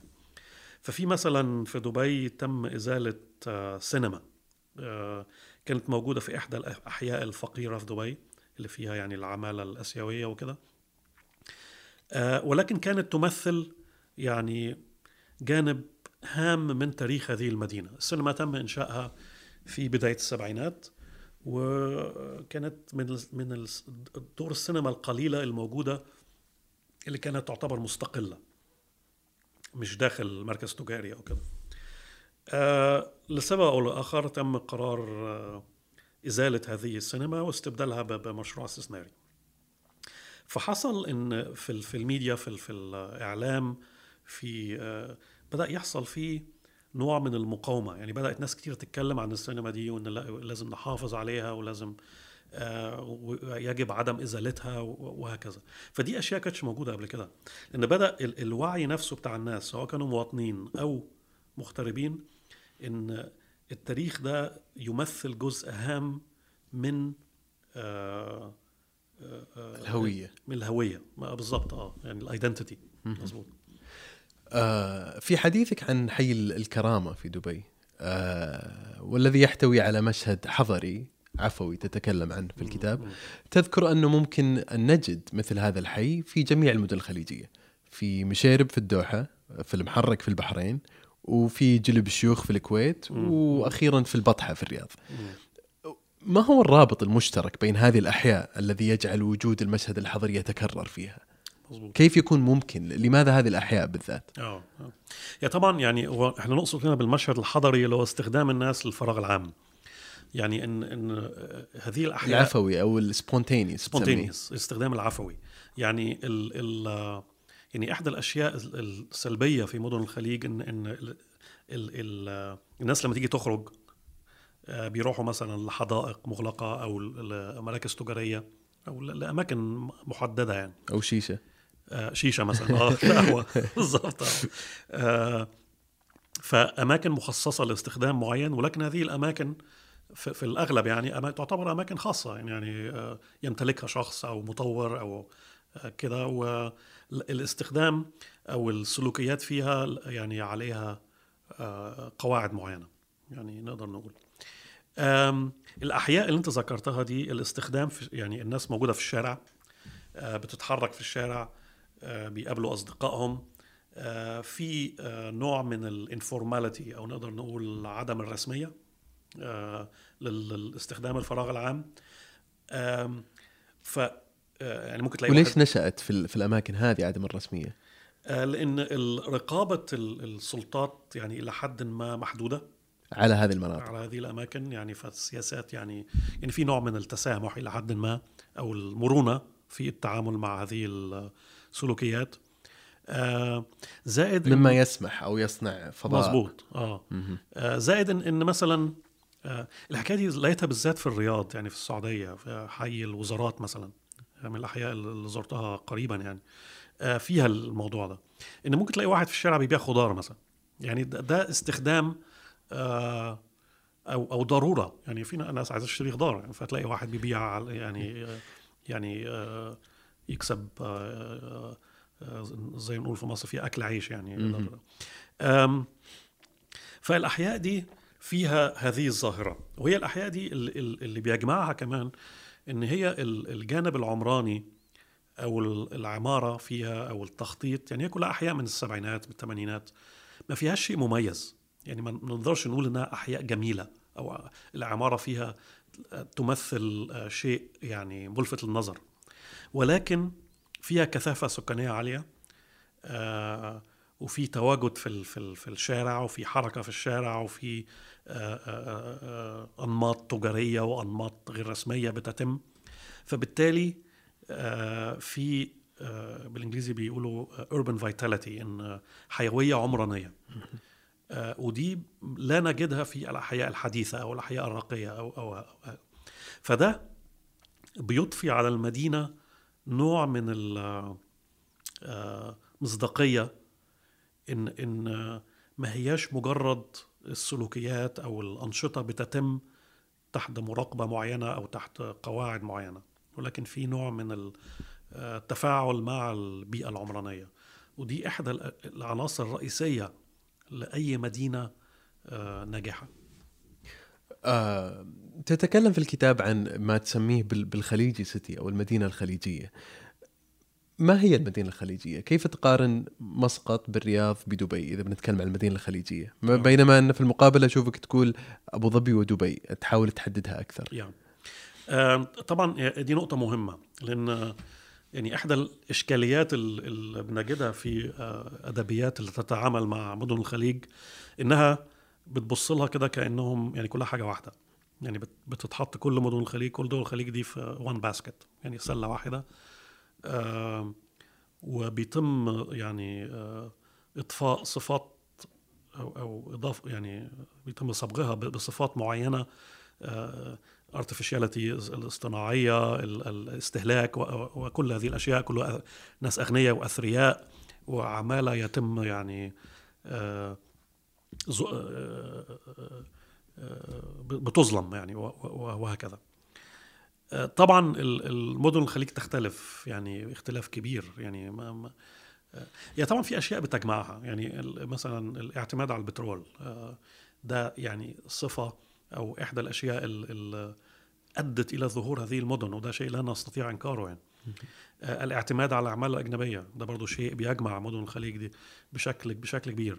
ولكن بتختلف حدة هذه ال- ال- الصفات يعني مثلا الاعتماد على الأعمال الأجنبية أكبر بكتير في أبو ظبي ودبي من الرياض مثلا, أو أو الرياض. البحرين أو أو آه، أو آه، عمان مثلا مسقط آه، مسقط كمدينة ل- لو تيجي تزورها تختلف في الطابع العمراني بتاعها عن أي مدينة أخرى في الخليج لأن الجانب التاريخي ليه يعني حافظوا عليه حافظوا على طابع هذه المدينة. ما فيش ناطحات سحاب ما فيش يعني كل الأشياء اللي بنلاقيها في مدن خليجية الأخرى آه، مش موجودة في مسقط. آه، بدأت تتغير وبدأ يحصل فيه تنميه عمرانية في أحياء معينة ولكن بشكل عام آه، تختلف جذريا عن عن مدن خليجية أخرى كتيرة. نتيجة للبعد التاريخي بتاع مسقط طبعا عمان ومسقط لها يعني عمق تاريخي. هل هو بسبب العمق التاريخي أو بسبب السياسات في التنمية المتخذة في مسقط؟ يعني كان من. الممكن إنه يتم مسح مسقط من جديد وإعادة بنائها. مظبوط مظبوط يعني هو طبعا يعني نقدر نقول الاثنين يعني هو طبعا السلطان قابوس يعني قبل السلطان قابوس كان والده آه، كان اسمه تيمور أي تيمور آه. تيمور بن سعيدي آه، فده كان أعتقد لغاية الستينات أو السبعينات كانت مسقط بيتم إغلاق شوارعها في الليل. يعني يعني يعني. من الحاجات اللي بتقال يعني.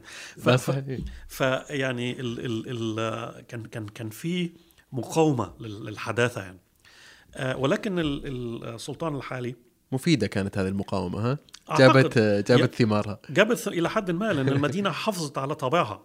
والسلطان الحالي يعني استمر طبعا يعني طور المدينة وغير هذه السياسات ولكن ال- الطابع العام بتاع المدينة حافظوا عليه. يعني سوق مطرح المسقط القديمة أشياء مز يعني ما اتغيرتش كتير وما زالت بتستخدم حتى مش مجرد إنها حاجة سياحية ولكنها جزء من حياة الناس.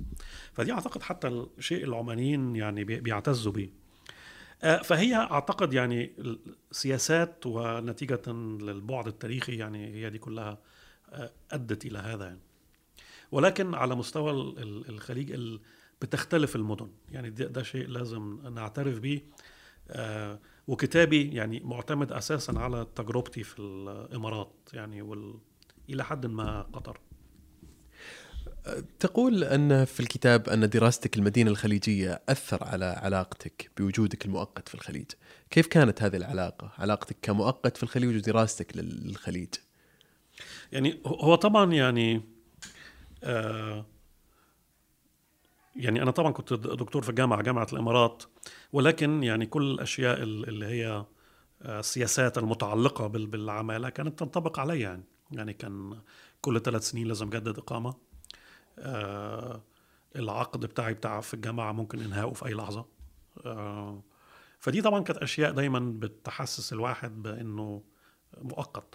طبعا بصرف النظر عن التعامل يعني تعاملي مع الناس مع الطلبة مع زملائي يعني عمري ما حسيت إن هم بيبصوا لي آه، حتى في التعامل اليومي يعني إن أنا يعني آه، مؤقت.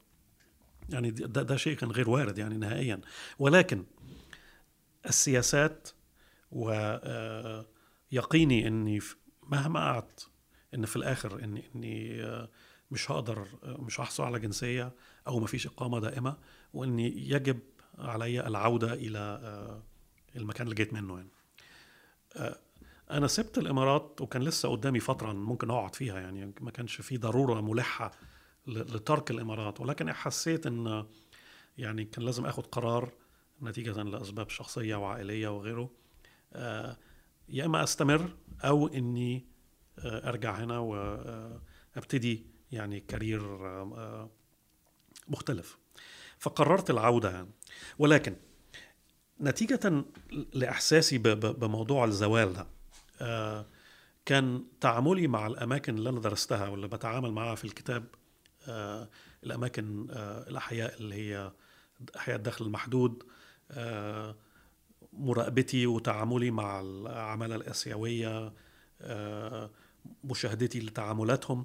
يعني كل ده كان بيعتبر نوع من ال كنت بلاقي فيه صدى من إحساسي أنا كشخص.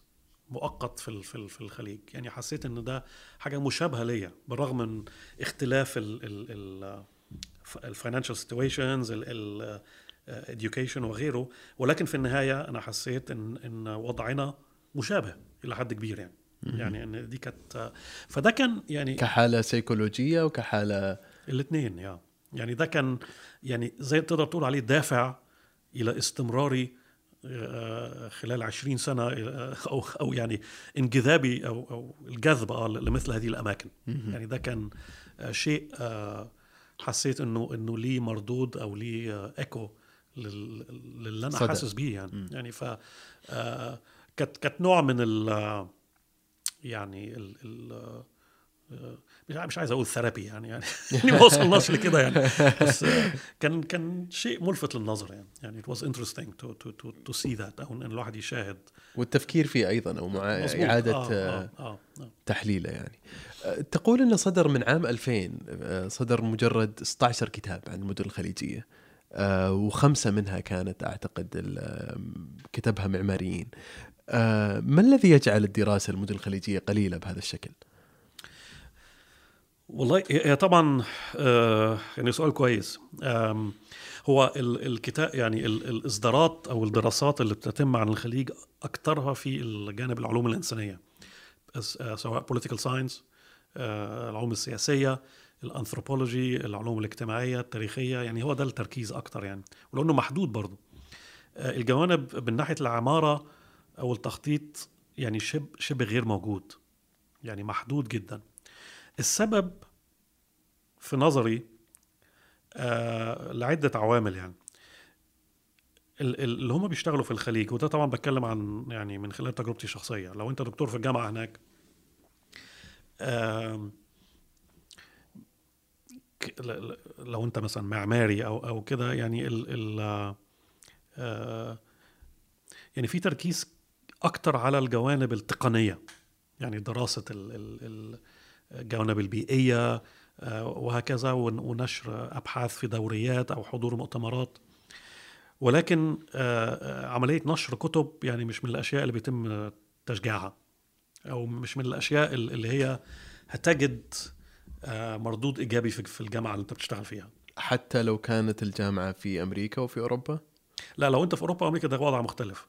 ولكن لو أنت عايش في الخليج أنا بتكلم عن اللي هم يعني الناس المفروض يعني يجي منها آه، آه، آه، نشر كتب وكده يجي من المنطقة يعني.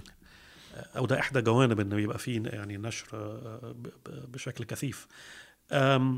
فبيتم النظر للكلام ده بشكل يعني غير مش مفضل يعني.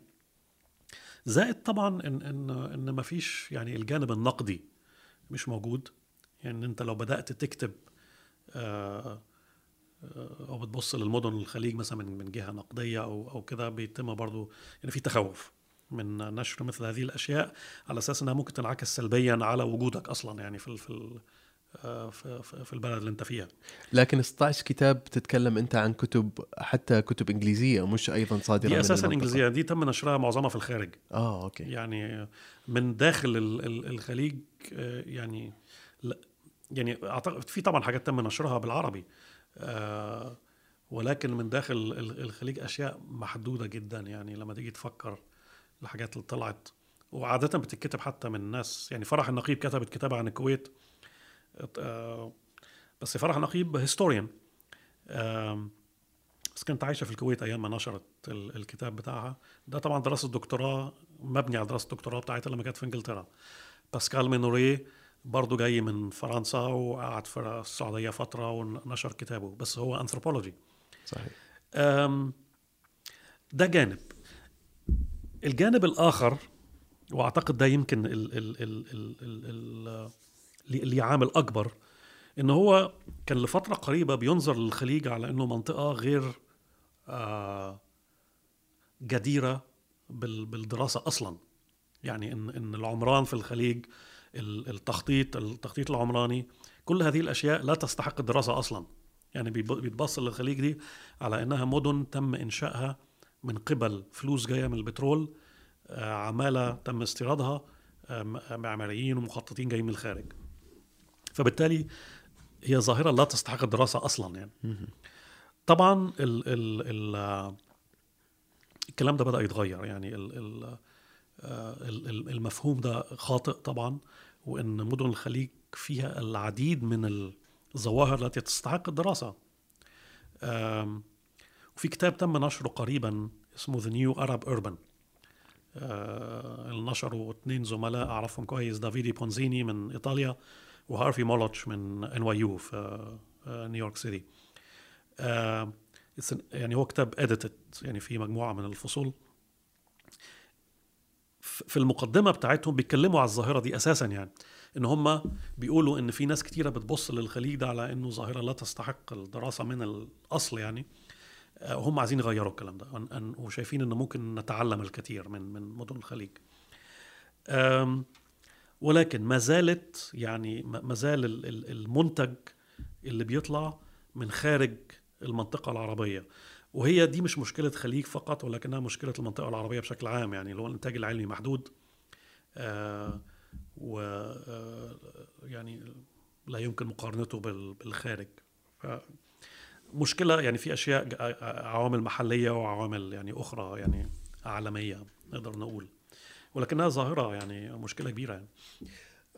من خلال قراءة الكتاب يعني آه، ألاحظ فيه كأنه يوجد آه، حجتين دائما تتعارض. آه، الحجة الأولى أن المدن الخليجية مدن آه، متميزة بمعنى مدن فريدة آه، لا يوجد مثلها ال exceptionalism أو ال exceptional city وفي نفس الوقت تقول أنها مدينة مثل أي مدينة أخرى في العالم. كيف توافق بين هذا الرأيين يعني؟ هو ده حقيقة. يعني أنا طبعا الم- الموضوع ده يعني سبته للنقاش للاخر في آخر فصل بتكلم فيه بشكل مكثف شوية. لأن بدأ مؤخرا لما تيجي تحضر أي ندوة أي مؤتمر أي نقاش عن مدن الخليج الموضوع ده بيتم آه، إثارته دائما. آه، وبالذات من ال scholars وعلماء من من ال humanities موضوع أنها مدن آه، غير استثنائية. غير غير استثنائية. استثنائية. ال de-exceptionalism de-exceptionalizing the Gulf يعني هو ده أصبح لأن كنت انت ذكرت في في بداية حديثنا عن الموضوع الاستشراق والكلام ده. فهي بيعتبروا إن اللي بيبص للخليج وبيقول إن الخليج ده مختلف ويعني بتتقال دي بشكل يعني ان إن الخليج ده حاجة لا تستحق الدراسة أصلا أو إن في أشياء بتتم فيه خارجة عن المعتاد. يعني فدي يعني آه، آه، بيتم ربطها بالاستشراق وبعدم معرفة الخليج أصلا. أو معرفته بشكل سطحي. بينما لو تعمقت في الخليج أو لو عشت فيه أو هكذا هتعرف إنه آه، زي أي مكان تاني في العالم. آه، بأي معنى زي أي مكان ثاني يعني إن انه ordinary يعني it's آه، لا يختلف كثيرا سواء من ظواهر اجتماعية أو سياسية أو أو هكذا. أو حتى عمرانية؟ أو عمرانية حتى. طبعا أنا أنا نظرتي مختلفة شوية. يعني أنا أي أي لا أعتقد أعتقد أنا أصلا أعتقد السؤال خاطئ من البداية. يعني إن إحنا نقول يعني إن إحنا بنصيغ ال ال الإشكالية في binary ان في عندنا ثنائية. ثنائية. يا إما exceptional يا إما ordinary وأنا يعني نظرتي إن السؤال ده أصلا خاطئ وإن المدينة الخليجية تحتوي على جوانب استثنائية وعلى جوانب آه، عادية ordinary أو اعتيادية. اعتيادية. الاثنين موجودين. ولكن الجوانب الاستثنائية في بعض مدن الخليج ونرجع تاني نقول دبي وأبو ظبي آه، آه، بتزيد الحدة بتاعتها. فبالتالي الظاهرة الاستثنائية تغلب. تمام؟ طيب إيه الظاهرة الاستثنائية؟ الظاهرة الاستثنائية اللي هي التعامل مع المدن ك ك آه، عنصر الاستثمار مثلا يعني. ظاهرة استقطاع جانب كبير من من الأراضي للمشاريع الاستثمارية العمالة الإجنبية الفصل ال separation وهكذا. ده ده الجانب الاستثنائي. الاعتماد على العمران الشاهق أكبر مبنى أكبر مول كل هذه الأشياء. الجانب الاعتيادي أو ال ordinary هي تجدها في الأحياء اللي أنا ذكرتها في الكتاب الأماكن المفتوحة الفراغات العامة كيفية تعامل الناس مع آه، المدينة. آه، بيخرجوا في الشارع. آه، بيشتروا أشياء من من البقالة أو من السوبر ماركت أطفال بيلعبوا في الحدائق. ناس بتلعب كريكت في ال parking lot يعني دي أشياء تعتبر اعتيادية بنجدها في أماكن أخرى كتير في العالم يعني. فهو ده الجانب ال ordinary المشكلة اللي حاصلة في الخليج إن الجانب ال ordinary ده بدأ النظر ليه من بعض المسؤولين على إنه جانب سلبي. وإنه بدأ يعني في سياسات بيتم تطبيقها للتخلص حتى من ده. آه منع التجمعات منع اللعب في ال في ال يعني مثلا إمارة زي إمارة الشارجة منعت لعب الكريكت في آه في الشارع أو في ال parking lots في ال في ال آه مواقف سيارات مواقف سيارات وإن فقط يوم اللعب يتم في أماكن رسمية. مع إن دي بتدي يعني لما تيجي تلاقي ناس بتلعب يعني حاجة تعتبر ظاهرة أنا في نظري يعني حاجة إيجابية يعني. آه، ولكن الشارجه مثلا منع الموضوع ده. آه، منعته قريبا يعني. دبي وأبو ظبي لسه. ولكن السياسات تتجه هذا التوجه يعني. وليش أنت تعتبره إيجابي؟ ليش تشوف إن اللعب في الشارع أفضل من اللعب في مكان مغلق؟ آه هو طبعا يعني أنا أنا يعني فاهم إن الناس ممكن تبص للكلام ده وتحس إنه يعني جانب غير مرغوب فيه. بمعنى إن لو مجموعة أطفال بيلعبوا في, في موقف سيارات كريكت يعني الكورة ممكن تخبط في في في, في عربيه ممكن حد يتعور ممكن عربيات داخلة طالعة. صح. آه يعني في جانب آه, آه، خطر شوية. آه ولكن ريتشارد سينس سينت آه، هو إحدى ال urban sociologists المعروفين في العالم آه، عالم اجتماعي تخصصه المدن. عمل كتاب في بداية السبعينات اسمه The Uses of Disorder. استخدامات عدم النظام disorder استخدامات الفوضى. الفوضى نعم. فوضى برضو يعني بس ماشي ممكن تمشي. كل شيء درامي كل شيء درامي بالعربي. استخدامات الفوضى. فهو كان بيتكلم على المدن هو طبعا في السبعينات كان بيتكلم على آه ال- النطاق اللي هو كان بيتكلم فيه كان هو عايش في شيكاغو. وبيتكلم عن أحياء السود ونظرة البيض ليها وإنها بيعتبروها يعني جانب سلبي وكذا ولكن كان في فكرة عامة إن هو المدينة يجب أن تحتوي على جانب غير رسمي أو جانب عفوي لأن هو ده بيساعد على آه، النمو والتعلم و, و آه، آه، النضوج. يعني أنت لما تمشي في الشارع وتشوف حد مخالف ليك أو حد بيمارس سلوك غير معتاد. ده بي- بيخليك تتعرف على آه، نواحي آه، آه، مختلفة للبشرية يعني مش الناس كلها زيك يعني. يعني في ناس بتختلف في آرائها في تع- تعاملها مع المكان. حتى لو التعامل فيه في جانب يعني فوضوي شوية. طبعا لازم الأمور دي يت- يتم التعامل معها بحساسية لأنها ممكن الفوضى بسهولة تتحول إلى إلى إلى شيء يعني خطر فعلا يعني. إلى فوضى عارمة. يعني. فوضى عارمة. ال ال ال يحصل تدهور عمراني غير مقبول آه، ازدياد في الجريمة. يعني طبعا لازم يبقى في توازن. دي حاجة يعني. بس ممكن يبقى في شيء من المرونة. ممكن يبقى في شيء من من ال آه، الاستجابة لبعض المتطلبات آه، الناس. دي لقيتها في الرياض في السعودية. كيف؟ وين حصلتها يعني؟ طبعا أنا في بداية حديثي ذكرت إن موضوع إنسانة المدن إن دي ظاهرة بنتكلم عليها وكان إحدى ال- العناصر المهمة في في في إنسانة المدن دي اللي هي إنشاء حدائق عامة يعني مفتوحة للناس. آه، فالرياض طبعا زي أي مدن كتيرة يعني في في آه، حدائق في الأحياء آه، خاصة بأهل الحي يعني يجوا كده يتمشوا في الحدائق دي وبتاع. فكنا بنروح للحدائق دي في في الليل في المساء فبنلاقي ناس بتمشي حوالين الحديقة كنوع من الرياضة آه، ناس قاعدة في الحديقة. ولكن على أطراف الحدائق دي كان آه، ناس بتبيع آه، مأكولات مياه ناس بتبيع شاي يعني بيبقوا عاملين زي stand أو بي بي وجايبين بسطة. بسطة وجايبين فحم وب- وبيعملوا الشاي على الفحم. يعني دي, دي, ظاهرة في السعودية يعني الناس بتعشق الكلام ده يعني. أكيد صح. كيف الشاي شفتها في الحدائق على طرق رئيسية. تلاقي ناس كده وواحد جه قعد وحط طاولة جاب شوية فحم وبيعمل شاي وبيبيع للناس. سألت مسؤولين في الأمانة قالوا لي ده ممنوع ممكن نمسكه. بس لما مشينا في إحدى هذه الحدائق يعني ولقينا الكلام ده كان معانا مسؤول مدير الحدائق في الرياض. سألته يعني ال- الكلام ده مسموح قال لي لا. بس يعني هي احتياج للناس فيعني سايبينه كده يعني. بس طبعا يعني ممكن يغيروا رأيهم يعني. بس موجود ومش ما فيش حد آه، ما- فيش ضرر. والناس مقبلة على الكلام ده بيشتروا شاي بيشتروا مية. وفي يعني نوع من ال من ال آه، آه، العفوية ال- ال- اللي هي مهمة يعني.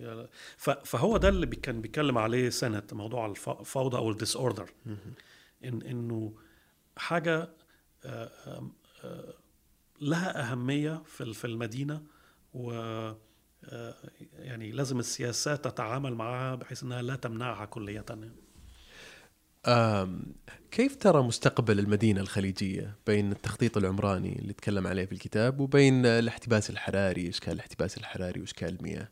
وين وين وين وين وين متجه مستقبل المدينة الخليجية بوجود جميع هذه هو في- برضه في الكتاب أنا في الآخر بتكلم عن يعني ال- المشكلتين المشكلتين الرئيسيتين في نظري اللي هم موجودين في الخليج اللي هي آه، المشكلة السكانية يعني عدم اتزان ال- السكان دي حاجة يجب التعامل معها السعودية طبعا يعني مثلا مدينة زي الرياض 60% أعتقد مواطنين نعم. تقريبا. فالإشكالية دي بدأ يتعاملوا معها يعني, يعني آه، ب- آه، عن طريق سياسات مختلفة. ولكن مدن زي آه، دبي أبو ظبي الدوحة يعني ما زالت المشكلة دي قائمة ويجب التعامل معها يعني. دي ده- ال- الجانب المشكلة الأكبر آه، المشكلة البيئية. في بعض الدراسات بتقول إن الخليج آه، بعد خمسين سنة بعد مئة سنة نتيجة لارتفاع درجات الحرارة آه، مش هيبقى فيه يعني إمكانية لل- للحياة فيه. يعني الحرارة هتزيد بشكل وفي بعض الدراسات العلمية طبعا ال- الدراسات دي عليها نقاش وهل هي فعلا صح ولا لأ؟ أو هل فعلا هترتفع لدرجة إن ما فيش حياة هتبقى يعني ممكنة؟ ولكن آه، الدراسات دي بتشير إلى إن في فعلا مشكلة بيئية موجودة يعني. المشكلة اللي حاصلة المسؤولين في الخليج يعني في إدراك ان إن دي مشكلة فعلا موجودة يعني. وفي سياسات آه بدأت آه يعني آه إدراجها في في آه سياسات المدن للتعامل مع هذه الظاهرة. يعني مثلا في أبو ظبي في آه موضوع استدامة إن هو لا يمكن آه آه ما ينفعش بناء أي مبنى منشأ إلا لازم يتوفر فيه بعض أو مجموعة من الاعوامل التي آه، تخفض من ال- آه، الاعتماد على الطاقة مثلا آه، تخفض آه، اعتماد على energy آه، and so on. فده الطاقه المتجدده طاقة متجددة. ففي سياسات كده في دبي يعني كل الدول الخليج يعني في سياسات كتير. بس طبعا ال- المشكلة إنها بتتعامل مع الموضوع بشكل آه نقدر نقول بيس ميل يعني بشكل جزئي. آه, آه يعني أنت ممكن تبني فيلا مثلا الفيلا دي تعتبر فيلا آه آه يعني مط- مطبق فيها جميع معايير الاستدامة. ولكن الفيلا دي موجودة في حي الحي نفسه تخطيطه غير, لا, تنطبق عليه الاستدامة أو إن الحي ده بعيدا عن المدينة فبالتالي لا يمكن الوصول لهذا الحي إلا عن طريق سيارة مفيش مواصلات مثلا. فلازم تتعامل مع المشكلة بشكل شامل. وده للأسف يعني مش مش مطبق لحد الآن.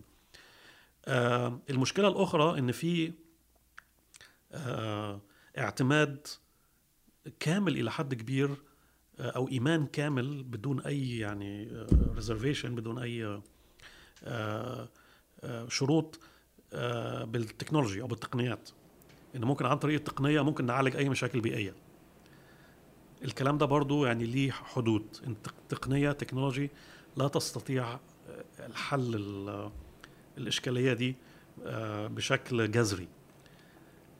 لو عايز تتعامل مع ال ال الأمور البيئية دي بش- بشكل فعال يجب تغيير السياسات ويجب آه، زيادة وعي السكان نفسهم بأهمية آه، الحفاظ على البيئة وعلى عدم آه، اللي هو الويست يعني إن الواحد الاستهلاك استهلاك أو الإهدار إهدار ال- المياه أو. يعني مشكلة مثلا في الإمارات إن آه، الوافدين يعني ناس زي كده كنا بندفع أضعاف أضعاف آه، الكهرباء والمياه آه، عن المواطن. المواطن بيدفع فقط جزئية صغيرة جدا من اللي إحنا كنا بندفعه. فما فيش إدراك بال- بالمشكلة أصلا يعني. يعني بتستخدم مياه تعمل حدائق تعمل زي ما أنت عايز وما فيش يعني مقابل مادي يذكر. بدأت تتغير السياسات دي. بدأوا يرفعوا رسوم على المواطنين ولكن في حدود صغيرة جدا. لأن طبعا المشكلة إن آه، في في الإمارات الدولة قائمة على آه، نقدر نقول ال- ال- ال- الدعم ال- المادي للسكان.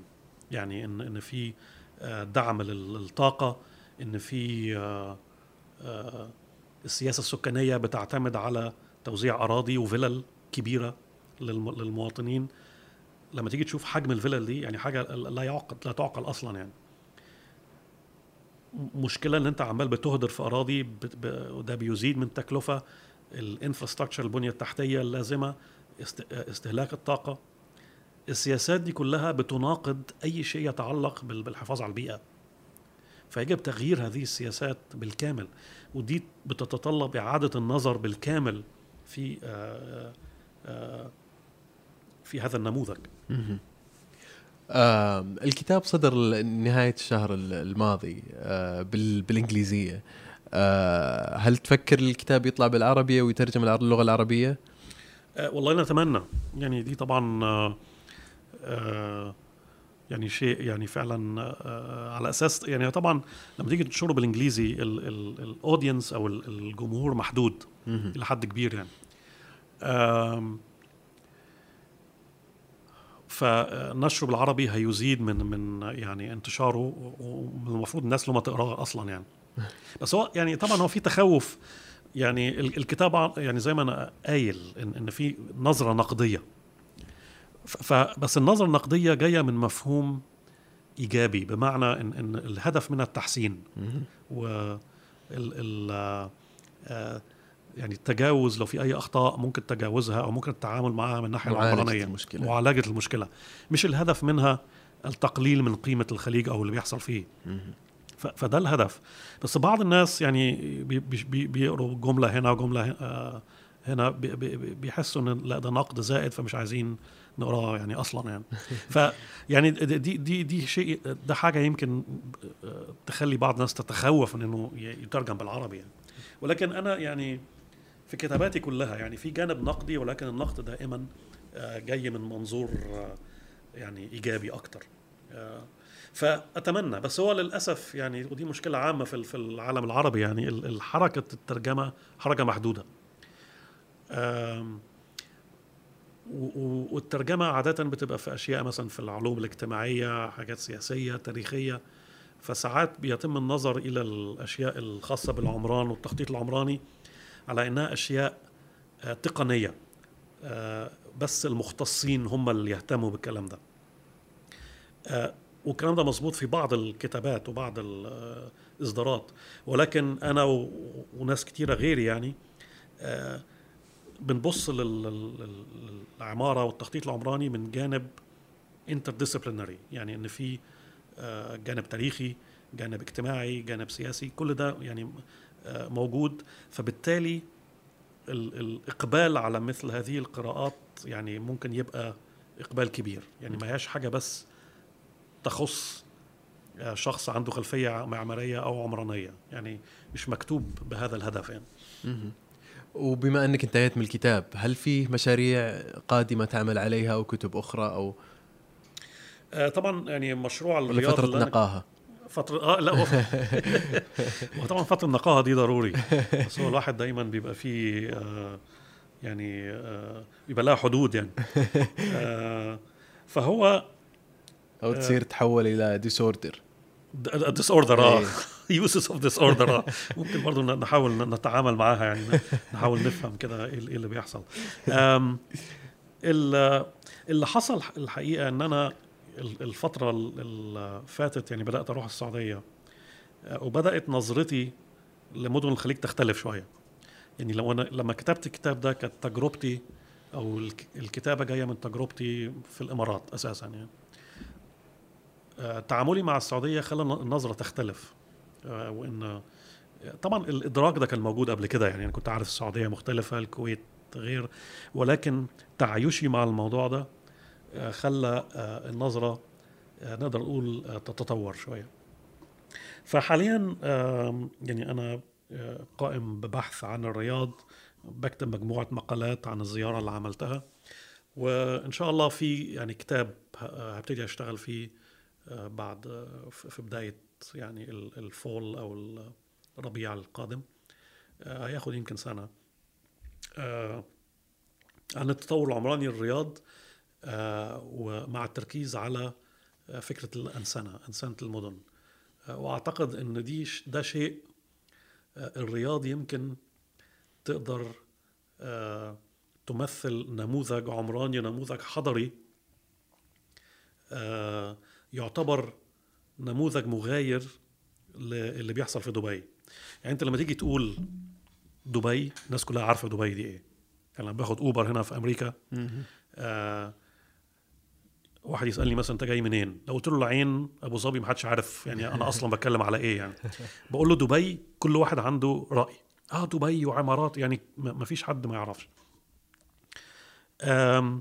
الموضوع ده إيجابي وسلبي لأن طبعا ال- الجانب السلبي ان إن هو نظرة الناس للمدن الخليج آه، هنا إنها كلها زي دبي. ودبي تمثل يعني it's it's very تمثل جانب exceptional يعني من نواحي كثيره يعني. وفي نظري يعني تعتبر شيء سلبي إلى حد كبير. وان لا يجب التعامل مع دبي لأنها نموذج. دبي works for دبي يعني ال ال ال ال الناس مبسوطة هناك it's good for them يعني. ولكن إشكالية التعامل مع دبي على إنه نموذج ممكن الإقتداء به ده مشكلة. في القاهرة مثلا أنا من القاهرة شايف أنا تأثير الكلام ده على مدينة زي القاهرة. فبالتالي تأثير نموذج دبي على المدينة العربية. آه بالضبط. فبالتالي إني يعني إحساسي يعني إن اللي بيحصل في الرياض والمشاريع اللي أعلنوا عنها مؤخرا اللي هي دبي الرياض الخضراء الممر الرياضي الحدائق أنسنة المدن. كل دي أعتقد إنها يعني في بوتنشال في في يعني أمل. أمل إن إنها ممكن تغير من نظرة الناس للمدن الخليج العربي وإنها مش مدن قائمة فقط على الاستثمار أو على الاستهلاك أو على استغلال عمالة أو غيره. آه فالبوتنشال الأمل موجود. فأعتقد إن دي حاجة يعني عايز أتعمق فيها أكتر يعني. آه طيب شكرا لك ياسر. ألف شكر لك. شكرا ماجد. شكرا على الحديث الممتع. شكرا. الله يخليك.